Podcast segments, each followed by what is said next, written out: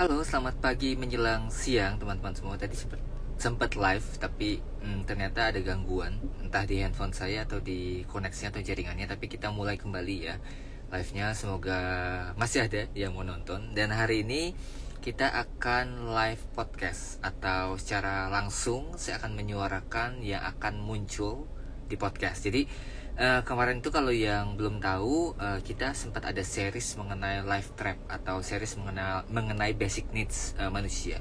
Saya sudah bahas tentang salah satu basic safety, kemudian basic connection baru dua ya. Kemudian saya masih punya utang tiga uh, needs lagi yang akan saya ulas secara berkala per hari tentunya. Dan yang hari ini untuk teman-teman yang mungkin baru bergabung, saya akan membahas tentang salah satu kebutuhan dasar manusia yang mungkin kita kadang lupakan, kadang kita nggak tahu adalah tentang autonomi atau kebutuhan tentang kemandirian. Jadi selamat datang di live podcast Psikolog ID. Selamat mendengarkan dan nanti di akhir sesi saya akan sharing uh, ebook gratis yang bisa teman-teman download dan juga uh, saya akan kasih info apa ya? Apa ya? Saya tadi mau ngomong apa ya? Uh, kasih oh saya, saya akan kita akan buat lagi sesi Q&A jadi akan ada tanya jawab tapi yang berhubungan dengan track podcast yang pagi hari ini. Itu aja. Ya kita mulai dulu.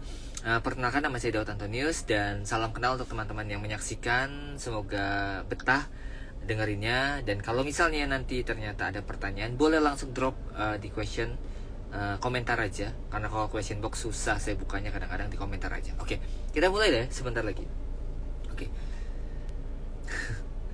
Selamat datang di podcast Psikolog ID Podcast yang akan ngajak kamu untuk terupgrade Belajar hal baru tentunya. Dan kita akan melanjutkan episode yang sebelumnya Sudah kita bahas mengenai basic need Atau kebutuhan dasar yang dibutuhkan oleh setiap orang. Yang jika misalnya tidak terpenuhi ketika kecil Pada waktu dewasa Akhirnya kebutuhan ini akan melahirkan sejumlah jebakan. Ya teman-teman boleh menyebutnya sebagai mental block, life trap, atau apa pun, tapi intinya ada beberapa sifat dan sikap yang menghambat pertumbuhan kita ketika dewasa. Nah, di dua episode sebelumnya, saya sudah sempat singgung mengenai basic need yang pertama yaitu basic safety atau kebutuhan akan keamanan dasar. Kita merasa nggak aman. Akhirnya ada perilaku yang untuk mengamankan diri itu muncul dan yang kedua ada need of connection atau kebutuhan akan koneksi dengan orang lain yang kalau misalnya tidak terpenuhi, kita akan merasa kesepian, merasa terasing, um, merasa tidak dipedulikan, merasa orang lain tuh nggak ngertiin perasaannya, bahkan ada waktu di mana kita tidak bisa akhirnya memahami perasaan diri kita sendiri. Nah itu bisa jadi problem.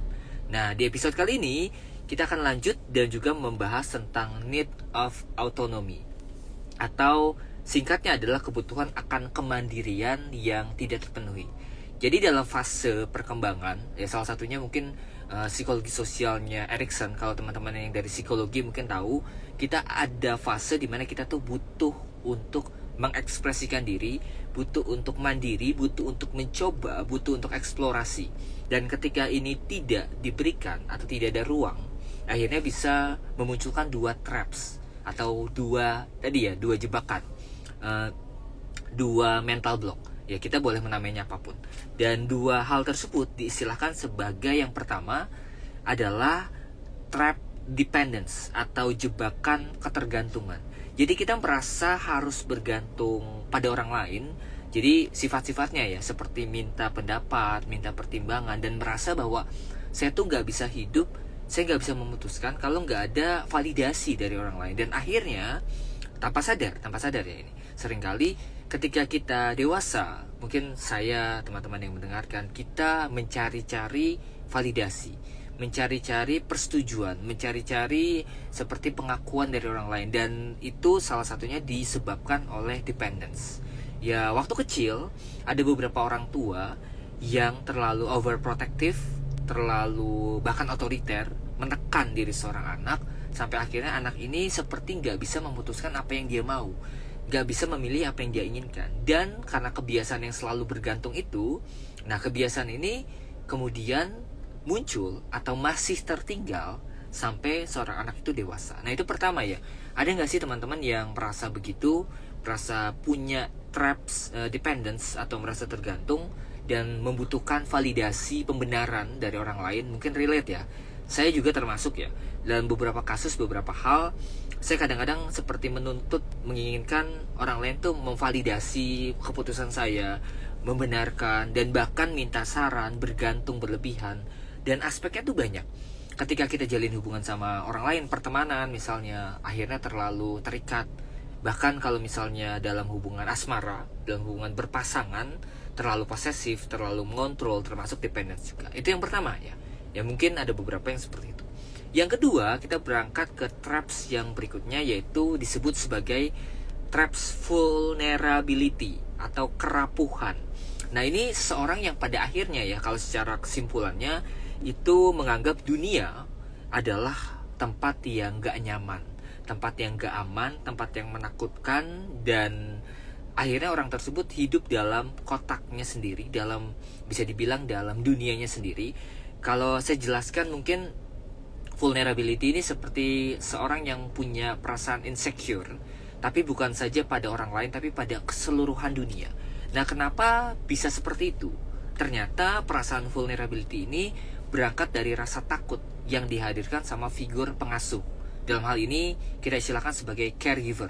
Bisa mungkin ya orang tua, mungkin babysitter, kakek nenek, om tante, kakak, bahkan guru juga bisa yang kemudian bilang bahwa jangan ke sana nanti kamu bahaya, eh, banyak orang jahat, nanti kamu kecelakaan dan banyak hal seperti itu.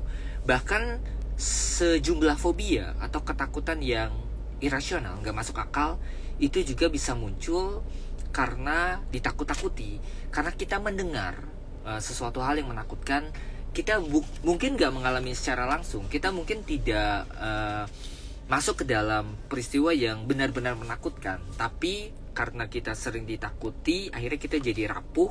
Kita merasa bahwa dunia ini penuh dengan ancaman. Uh, banyak ya penyebabnya. Misalnya yang tadi ya kematian ke uh, misalnya orang-orang jahat. Kemudian intinya sih ketika dewasa kita seperti jadi ragu jadi takut. Saya bisa nggak sih keluar dari dunia saya yang sekarang? Ada nggak sih dunia lain atau orang lain yang menerima saya? Ini salah satu alasan kenapa pada akhirnya seseorang ya ketika jalin hubungan dengan orang lain, entah hubungan pertemanan atau misalnya hubungan asmara atau bahkan keluarga, dia itu tidak benar-benar mau kehilangan, tidak benar-benar mau meninggalkan. Karena ya tadi ada perasaan takut, ada nggak sih orang yang mau terima saya setelah ini? Ada nggak sih orang yang uh, kemudian mau uh, menerima ya tadi menerima saya apa adanya uh, yang membuat saya aman lagi. Nah, kalau pertanyaannya adalah gimana cara kita terlepas dari dua traps ini, sebenarnya di seri-seri sebelumnya juga saya sudah uh, kasih tahu bahwa saya menjelaskan ini bukan berarti kita lebih kepada ngingat yang buruk-buruk enggak ya, tapi lebih kepada memunculkan awareness, memunculkan kesadaran bahwa mungkin saya punya salah satu atau bahkan dua-duanya dari traps ini. Dan jika iya, berarti ada needs, ada kebutuhan untuk mandiri yang tidak terpenuhi. Jadi berangkat dari hal itu, pertama kita harus sadari dulu, apa sih kejadian yang membuat itu, yang menciptakannya. Yang kedua menerima kejadiannya sebagai proses ya. Ya mungkin dulu waktu kecil saya pernah punya orang tua yang terlalu otoriter, orang tua yang selalu nakut-nakutin, uh, atau guru ataupun teman-teman yang sikapnya kurang baik itu diterima dulu dan kemudian uh, disadari bahwa wah mungkin itu nggak baik mungkin itu menghambat saya mungkin itu yang menjadikan trap saya yang sekarang itu yang kedua poinnya dan kemudian yang ketiga adalah lakukan perubahan lewat aksi action aksinya apa? Nah aksinya harus relate dengan kebutuhannya. Tadi kan saya sudah sebutkan ya traps ini muncul karena kebutuhan akan autonomi kemandirian. Jadi mulailah untuk belajar mandiri. Mulai untuk belajar ngelakuin hal yang terkecil sekalipun tuh sendiri. Nggak usah uh, terlalu sering minta validasi dari orang lain. Nggak usah terlalu uh, takut bahkan untuk mutusin. Ada istilah bahwa bukan keluar dari zona nyaman tapi memperluas zona nyaman jadi kita boleh kok ada dalam zona nyaman kita. Tapi kita pelan-pelan belajar hal baru kunjungi tempat baru ngobrol sama orang baru. Jadi perluas perluas perluas zona nyaman kita sampai akhirnya kita jadi lebih independen. Walaupun segala sesuatunya kan yang berlebihan gak baik ya teman-teman pada porsinya. Nah itu sih kurang lebih tentang uh, traps atau jebakan dua ya dua jebakan tadi. Ada yang dependence terlalu tergantung uh, menuntut validasi dan yang kedua adalah jebakan vulnerability atau seorang yang terlalu takut, terlalu rapuh, dan pada akhirnya sosok tersebut nggak berani untuk nyoba hal baru seperti itu. Nah, Uh, dari dua pembahasan ini, kalau teman-teman punya pertanyaan, saya kasih ruang untuk tanya jawab. Ini ada, saya tracknya lumayan singkat nih, cuma 10 menit. Tapi biasanya kalau di podcast, saya suka sampai 20 menitan. Uh, teman-teman boleh nanya, ini ada sekitar uh, 10 sampai 20 menit lagi tambahan. Kalau pertanyaannya relate dengan dua traps tadi, uh, boleh silahkan tapi kalau misalnya yang di luar konteks juga boleh dan tadi saya sudah infokan bahwa saya juga akan share ebook gratis uh, atau buku yang bisa teman-teman download secara gratis. Dan yang menariknya lagi setelah download ebook ini juga dapat series video pembelajaran 5 video berseri. Dan semuanya free ya teman-teman. Jadi kalau yang berminat atau tertarik untuk download uh, ebooknya di bulan ini ya. Ini di bulan apa sih? Juni Juni 2023 jadi kalau ada yang nonton video ini atau dengerin podcast ini lewat uh, harinya atau tanggalnya dari satu bulan ini mungkin nunggu request ebook berikutnya ya. Tapi di bulan ini kita akan share bagikan uh, free ebook yang judulnya Healing with Meaning. Atau bisa dibilang pulih melalui makna. Dan teman-teman bisa download ebooknya di link yang ada di samping itu ya. bit.ly slash ebook dash HWM. HWM itu Healing with Meaning ya, teman-teman. Jadi nanti teman-teman request ebooknya, kemudian dapat series videonya belajar selama lima hari ya itu gratis aksesnya semuanya. Silahkan sudah ini baru launching kemarin dan sudah ada lebih dari 200an orang uh, kurang lebih 200 250-an kalau nggak salah yang sudah download. Dan saya sangat bersyukur sih oh ternyata banyak peminatnya ya. Dan bisa membantu banyak orang. Testimoninya juga bagus-bagus. Banyak juga yang ngetik kita di Instagram akhirnya. Dan saya harap ini juga bisa membantu teman-teman. Jadi silahkan kalau merasa butuh uh, healing with meaning ini adalah pendekatan logoterapi dari Viktor Frankl yang akhirnya saya sederhanakan. Gimana sih kita bisa mengambil makna dari sebuah kejadian yang buruk sekalipun mungkin traumatik setiap kejadian di masa lalu yang gak menyenangkan? Kuncinya pada akhirnya adalah gimana caranya kita bisa memaknai hal tersebut dan juga bisa beranjak uh, istilah gaulnya mungkin move on dari peristiwa masa lalu. Atau kita uh, mungkin sering dengar ya kata-kata dari uh, orang Indonesia. Saya juga orang Indonesia ya teman-teman. Ambil hikmahnya aja. Sebenarnya itu katanya dalam banget sih. Cuma karena mungkin terlalu sering diucapkan jadi kayak biasa aja. Dan sebenarnya konsep dari healing with meaning adalah kita mengambil hikmah mengambil makna dari satu kejadian. Tapi uh, gimana dalam perspektif psikologinya. Nah itu ya, kalau teman-teman yang mau download uh, dan dapetin buku dan juga videonya secara gratis, silahkan mampir ke linknya, saya tunggu. Dan kalau misalnya nanti uh, sudah mampir, uh, ditunggu aja ya, nanti akan dibalas sama adminnya. Itu aja uh, untuk yang saya bisa share di podcast dan juga untuk yang ibu gratis. Kalau yang mau nanya, dipersilahkan masih ada waktu sekitar 10 menitan. Saya scroll dulu ke atas ya uh, mungkin tadi ada yang komen atau ada yang tanya tapi kelewat uh, saya mungkin balik lagi uh, ada Izahud enak banget kak cara membahasnya? Oh thank you Iza apresiasi buat saya tuh menambahkan energi. Jadi buat saya semangat lagi untuk uh, buat track podcast atau buat konten-konten uh, yang menarik tentunya Yunita thank you thank you juga Yunita. Nulina 98 motivasi untuk sukses gimana ya kak? Uh, saya selalu bilang uh, sukses kan definisinya beda-beda untuk setiap orang. Tujuannya juga beda-beda. Intinya sih kamu punya alasan dan punya tujuan. Uh, berangkat dari situ dulu tujuan kamu apa? Uh, apa yang mau kamu capai? Uang kebahagiaan kah? Uh, kedekatan kah? Kemudian kekeluargaan kah? Apa? Dan alasan kamu untuk pengen mencapai itu apa? Jadi dua hal ini yang akhirnya jadi self motivation walaupun sebenarnya motivasi kan dua ya internal dan eksternal. Ya dua-duanya harus cukup sih. Dan walaupun turun naik motivasi nggak apa-apa kok. Yunita sangat berguna. Thank you Yunita. Uh, kemudian uh, apa nih Dane salut banget. Oh thank you sudah nonton juga. Uh, apalagi? Pertanyaannya belum ya? Oh nih ada.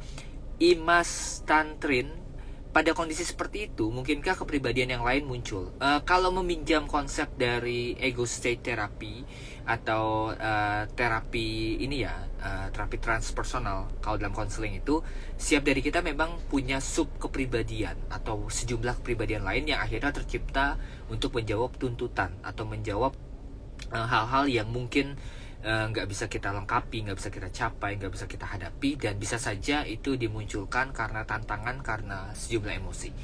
uh, contohnya saya pernah bahas uh, sering banget bahas bahwa di dalam diri kita ada sosok kecil atau inner child atau di dalam diri kita ada sosok orang tua atau namanya inner parents yang kemudian saling berinteraksi. Nah kalau misalnya teman-teman uh, yang tertarik, saya juga mau rekomendasikan salah satu uh, kelas atau session yang sebenarnya sudah ini sih sudah lewat tapi bisa diakses kembali. Uh, nama sesinya itu Healing Your Inner Child. Jadi gimana caranya kita berdamai dengan sosok kecil dalam diri kita dan mengenali sosok-sosok lain jadi pendekatannya adalah pendekatan tadi ya ego state. Ada teknik terapinya, terapi gestalt.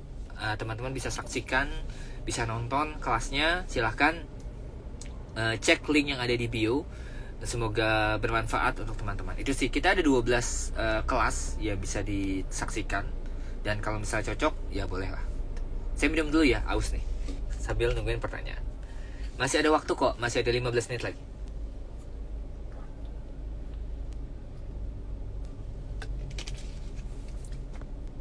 Oke. Okay.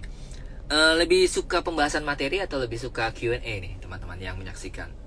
Saya nggak tahu nih yang menyaksikan apakah baru pertama kali atau sudah sering juga. Tapi kita akan coba untuk akomodir uh, keinginan dan kebutuhan teman-teman. Nanti akan banyak kelas, uh, banyak apa bisa dibilang session-session yang bahas tentang pengembangan diri tentunya.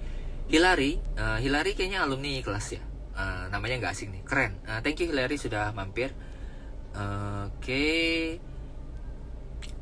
Sally, kak gimana caranya mengatasi orang yang gak suka sama kita? Ya gimana, nggak apa-apa gitu. Kamu gak harus disukai semua orang. Uh, orang lain mau suka atau tidak sama kamu, yaitu kebebasan mereka. Uh, fokus kepada satu hal yang mungkin dalam kendali kamu, seperti cara kamu bicara, perkataan kamu, persepsi kamu, dan cara kamu perlakuan orang lain itu kan dalam kendali kamu kalaupun kita sudah baik banget sama orang akan tetap ada kok orang yang gak suka sama kita itu wajar kalau dia bukan orang yang terlalu signifikan buat kamu ya udah biarin aja kalau saya sih gitu ya terserah mau pakai prinsip saya atau enggak tapi kalau ya, mau jalanin hidup dengan perkataan atau persepsi orang lain itu nyusahin kok menurut saya ya Nissan ke aku baru tersadar di usia 22 pertengahan soal diri yang selalu butuh validasi. Wah ini relate ya sama yang saya bahas. Dan itu buat saya stagnan dan buat untuk mulai hal baru. Apakah saya telat? Karena banyak keputusan yang saya tunda. Uh, tidak telat.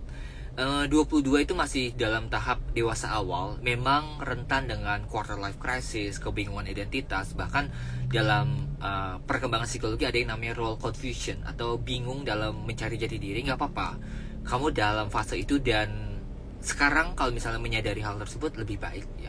Lebih baik untuk coba deh. Kalau berangkat dari yang tadi saya jelaskan kan ada kebutuhan akan kemandirian atau otonomi coba kebutuhan tersebut lebih digali lebih dipenuhi dan kemudian memutuskan dengan lebih tegas walaupun ada resiko kan di balik setiap keputusannya nggak apa-apa gitu sih ya. Uh, Hillary yang tadi ya berarti ya. Uh, kamu tanya sesi dan buku yang bagus untuk pendewasaan diri menghiling tuntas trauma. Uh, saya nggak tahu Hillary sudah ikutan atau belum, tapi salah satu yang saya suka di sesi uh, apa namanya kelas ya yang ada di psikolog ID salah satunya yang jadi favorit saya adalah self healing with hypnotherapy. Ini bisa dibilang uh, cukup uh, komprehensif cukup banyak penjelasannya tentang healing dan juga tentang trauma tentang bagaimana kamu punya luka dasar basic wounds yang kita perlu sadari. Kemudian bagaimana cara kamu mempraktekkan teknik uh, salah satu teknik yang cukup populer teknik hipnoterapi tapi untuk diri sendiri. Yang mungkin ini bermanfaat uh, biasanya te uh, teknik dan juga kelas ini itu saling melengkapinya ada satu tema lain ya yang kedua. Kalau ini sih jadi favoritnya teman-teman karena banyak banget yang ikutan yaitu forgiveness. Jadi forgiveness ini adalah bagian dari teknik terapi untuk kita melepaskan beban memaafkan rasa sakit hati, kemudian hambatan-hambatan emosional, kemudian uh, urusan yang belum selesai dari masa lalu terhadap diri sendiri, orang lain, bahkan orang tua, bahkan orang yang sudah nggak ada, tapi kemudian masih uh, lukanya masih ada dalam diri kita. Jadi dua kelas tadi ya, kalau yang saya rekomendasikan untuk Hilary adalah forgiveness therapy dan juga uh, tadi self healing with hypnotherapy linknya ada ya di flyers di screenshot aja atau bisa mampir ke link pada bio di bio Instagram itu ada juga klik aja nanti uh, langsung ada di temanya atau mau saya ketik juga boleh ini kalau misalnya mau lihat semua kelas kita setiap bulan saya rencananya update dan bulan ini ada dua kelas lagi yang update. Tapi untuk sekarang ada 12 tema. Ya banyak banget temanya. Kamu bisa nonton di sana dan jangan lupa ada juga kelas-kelas gratis. Kemarin tuh kita baru buat kelas gratis yang bahas tentang toxic relationship dan ternyata uh, ininya banyak banget ya peminatnya. Kemarin tuh uh, bisa dibilang yang stay untuk di Zoom biasanya kan Zoom itu turun naik ya, tapi kemarin tuh hampir 70-an orang stay dari awal sampai akhir dan saya sangat bersyukur sih karena interaksinya juga bagus banget ya. Interaksinya juga bagus banget dan semoga teman-teman hmm, bermanfaat kemarin kelasnya. Dan kalau misalnya kelewat yang kemarin nggak sempat hadir di kelas yang kemarin tenang setiap bulan kita ada free class zoom. Ditungguin aja di apa pantangin instagramnya ada jadwalnya kok ini kok agak miring ya bentar ya. Uh, dipantengin aja jadwalnya dan kita uh, akan hadir selalu uh, untuk teman-teman untuk mengakomodir apa sih uh, kebutuhannya apa sih keinginannya dan kita berusaha untuk intinya sih psikolog ID adalah komunitas belajar. Komunitas untuk kita belajar uh, sesuatu ya Widya first time nonton live-nya Oke selamat datang Widya Semoga bermanfaat live-nya uh, Novi pembahasan materi gak Oke saya akan lebih banyak um, untuk bahas materi. Hilary lagi ya gimana caranya biar uh, pikiran kita ke arah yang lebih positif. Yang pertama pikiran itu bisa dilatih. Artinya kita membiasakan untuk mungkin mikirin hal yang baik tapi tetap balance ya. Karena positif aja nggak cukup, kita harus antisipatif dan harus realistis ya. Jadi pemikirannya harus ya kalau ajaran stoik uh, namanya premeditation. Jadi kita mikirin hal-hal yang mungkin uh, agak negatif tapi lebih kepada antisipatif. Itu yang uh, jadi bisa dibilang uh, concernnya seperti itu, saran saya seperti itu, dan jangan lupa sekeliling kamu atau orang-orang terdekat kamu ya uh, coba untuk yang satu. Kalau sekarang kan dibilangnya satu frekuensi, padahal kadang-kadang orang kan punya banyak frekuensi. Maksudnya bisa jadi dia nyambung uh, sama kamu di satu hal, tapi nggak nyambung sama kamu di hal yang lain. Intinya sih uh, perbanyak koneksi yang mungkin sama-sama baik lah uh, Yuhaila, bagaimana cara menghilangkan overthinking padahal saya sudah berusaha mengalihkannya dengan pekerjaan lain. Kadang-kadang harus memahami dulu overthinking dan juga punya uh, beberapa teknik. Ada promo kelasnya overthinking. Ini saya jadi promo mulu ya. Cuma 20 ribu aja kamu bisa ikutan kelasnya psikolog ID pakai kode namanya promo Juni 2 ya. Kodenya itu promo Juni 2. Jadi kamu mampir ke linknya bit.ly kelas dash overthinking Uh, nanti ada diskon 50.000 jadi cuma bayar 20.000 kamu bisa ikutan kelas overthinking unlimited access kemudian dapat sertifikat juga dapat audio dapat video. Uh, intinya sih bisa diakses kapan aja seumur hidup ya. Di link with overthinking pakai kodenya jangan lupa ya promo Juni 2 itu aja. Ya kalau buat yang mau belajar tentang overthinking selain itu teman-teman juga bisa dengerin podcastnya psikolog Adi series audio. Salah satunya ini Nanti ini di bagian pertamanya akan saya jadiin podcast dan saya upload uh, secara audio juga dan teman-teman bisa dengerin itu di Spotify, di mana lagi ya? Di Noise, di Apple Podcast dan juga Google Podcast ya. Ada track terapi juga yang bisa membantu itu ya. Oke, okay, uh, eh, Nabela, gimana cara menghilangkan cemas berlebihan? Ini juga yang nanya YRK titik LM gimana caranya uh, menghilangkan overthinking juga mampir ke link pada bio ya. Itu ada kode promo untuk kelas overthinking kelas anxiety itu cuma 20.000 aja untuk ikutan. Ya itu sih kurang lebih. Kita balik lagi ke pertanyaan. Ada Dane kak kenapa ya setelah merasakan dewasa rasanya tuh capek fisik dan mental? Waduh. Uh, jadi orang gede itu capek ya jadi orang dewasa itu capek. Ya karena ketika kita dewasa pemikiran kita sebenarnya lebih matang jadi gini, uh, kalau saya jelaskan secara neuroscience, uh, kita kan dipunya uh, otak logikal, otak ins otak insting kan namanya neokort eh, namanya sorry namanya amigdala, sementara otak yang membandingkan menilai namanya neokortex. Nah neokortex itu bertumbuh seiring berjalannya usia. Kita akan semakin matang, lebih overthinking, lebih insecure, lebih membandingkan itu ketika kita dewasa. Nah waktu kita kecil mungkin kita nggak banyak berpikir nggak uh, banyak aktivitas nggak banyak beban hidup gitu. Dan ketika kita dewasa ya seiring berjalannya waktu kita mikirin banyak hal. Dan yang bikin kita capek secara mental dan fisik kadang-kadang bukan aktivitasnya tapi pikiran kita yang berulang-ulang. Seperti stres kita yang pada akhirnya tidak bisa kita hadapi dengan baik uh, stres yang melemahkan. Dan itu kan bisa berubah jadi rasa lelah di tubuh kita. Itu sih kalau menurut saya. ya. GG Ganesa 8 Kau boleh nanya cara menghilangkan stres gara-gara kepikiran salah jalan terus pas masa lalu? Uh, latihan mindfulness ada di podcast namanya judulnya mindfulness exercise. Akan mengarahkan fokus kamu ke masa kini dan juga coba untuk melepaskan setiap mungkin kesalahan, penyesalan, apa pun yang terjadi masa lalu, intinya sih nggak akan bisa diubah. Sejauh apa pun kamu nyeselin itu malah akan bikin kamu nambah masalah di waktu yang sekarang. Jadi saya pun punya banyak kesalahan di masa lalu banyak banget dan mikirin masa depan jadi overthinking juga sering banget. Tapi gimana caranya melatih diri untuk fokus di saat ini, melakukan apa yang bisa kamu kerjakan, mengupayakan yang terbaik dari apa yang kamu punya dan itu bisa dilatih melalui teknik mindfulness. Jadi mampir aja ke podcastnya Psikolog ID, ada di link bio juga. Kamu bisa mampir di paling bawah itu nggak salah ada uh, live terapi. Nah itu arahnya ke podcast. Ya bisa didengerin aja. Ya. Oke. Okay. Oke. Okay.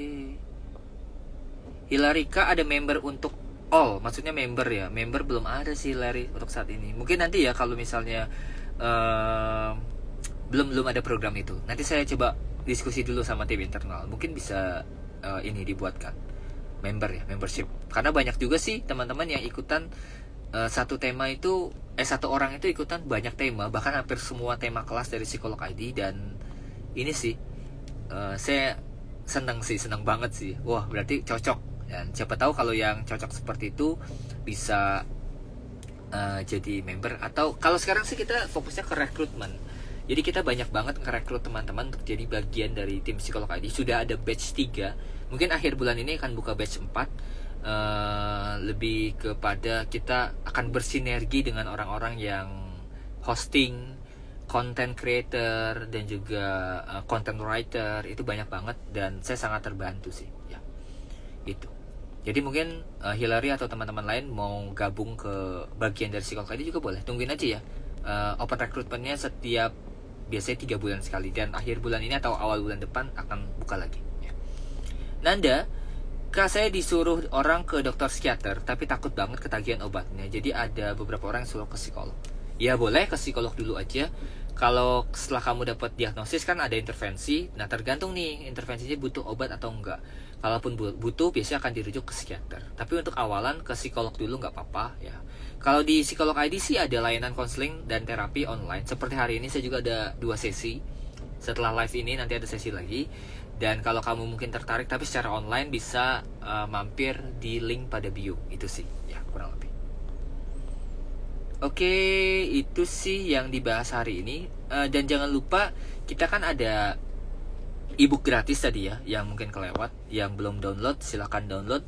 Ada ebook gratis dan setelah download akan dapat uh, series pembelajaran 5 video 5 track yang bisa teman-teman saksikan uh, jangan lupa mampir ke linknya. Linknya ada di situ ya bit.ly slash ebook HWM atau healing with meaning. Uh, oke okay. ini Nanda.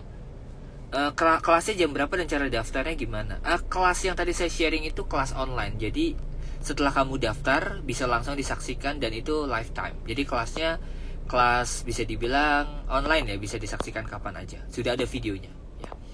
uh, linknya ada di bawah ada di Sematan atau bisa mampir ke bio untuk milih temanya silahkan. Uh, bebas ya. Itu sekarang kalau misalnya dilihat-lihat udah hampir 800 orang yang terdaftar di kelasnya psikolog ID ya saya pokoknya kalau ngelihat itu angkanya naik terus wow. Berarti apa yang kita buat sudah uh, lumayan uh, lumayan membantu lumayan cocok dengan kebutuhan teman-teman dan akhirnya kita terus buat konten dan juga tema-tema yang menarik ya. Uh, Hillary lagi nih gimana nih? Bagi pengalaman ya pengalaman ke psikiater stop langsung percaya amati dulu dan cross check dengan psikiater atau psikolog lain. Uh, memang cocok-cocokan sih kalau ke psikolog atau psikiater lebih kepada biasanya memang mereka juga manusia ya profesional juga manusia sama seperti dokter. Kadang-kadang ada yang langsung cocok kadang-kadang ada yang harus uh, dapat second opinion ya itu sih kadang-kadang ketemunya yang seperti apa. Saya pun ada beberapa klien yang nggak cocok sama saya. Ada beberapa klien yang dari psikiater kemudian ke saya dari psikolog kemudian ke saya itu ada aja. Ya ada juga. Jadi ya namanya juga hubungan manusia ya.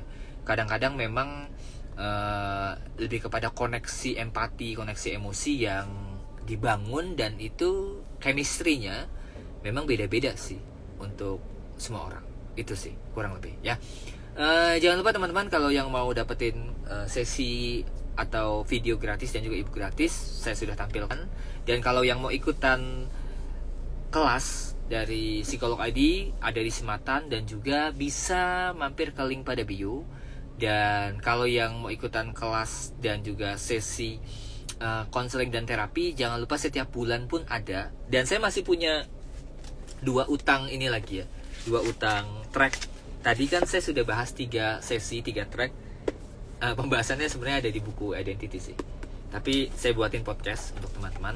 Saya masih punya dua track lagi yang teman-teman bisa dengarkan. Jadi tungguin aja, mungkin besok atau lusa atau mung mungkin minggu depan saya akan live lagi dengan uh, podcast dan juga dengan mungkin sesi tanya jawab seperti ini. Ya, itu aja kurang lebihnya. Ini udah 30 menit karena biasanya cuma 30 menit. Uh, terima kasih untuk teman-teman yang sudah bergabung sampai dengan siang hari ini. Selamat melanjutkan aktivitas kembali. Semoga pertanyaannya terjawab dan membantu tadi. Uh, sampai ketemu lagi di live Instagram berikutnya, live podcast berikutnya. Itu aja dari saya. Sampai ketemu dan tetap sehat ya teman-teman. Dadah.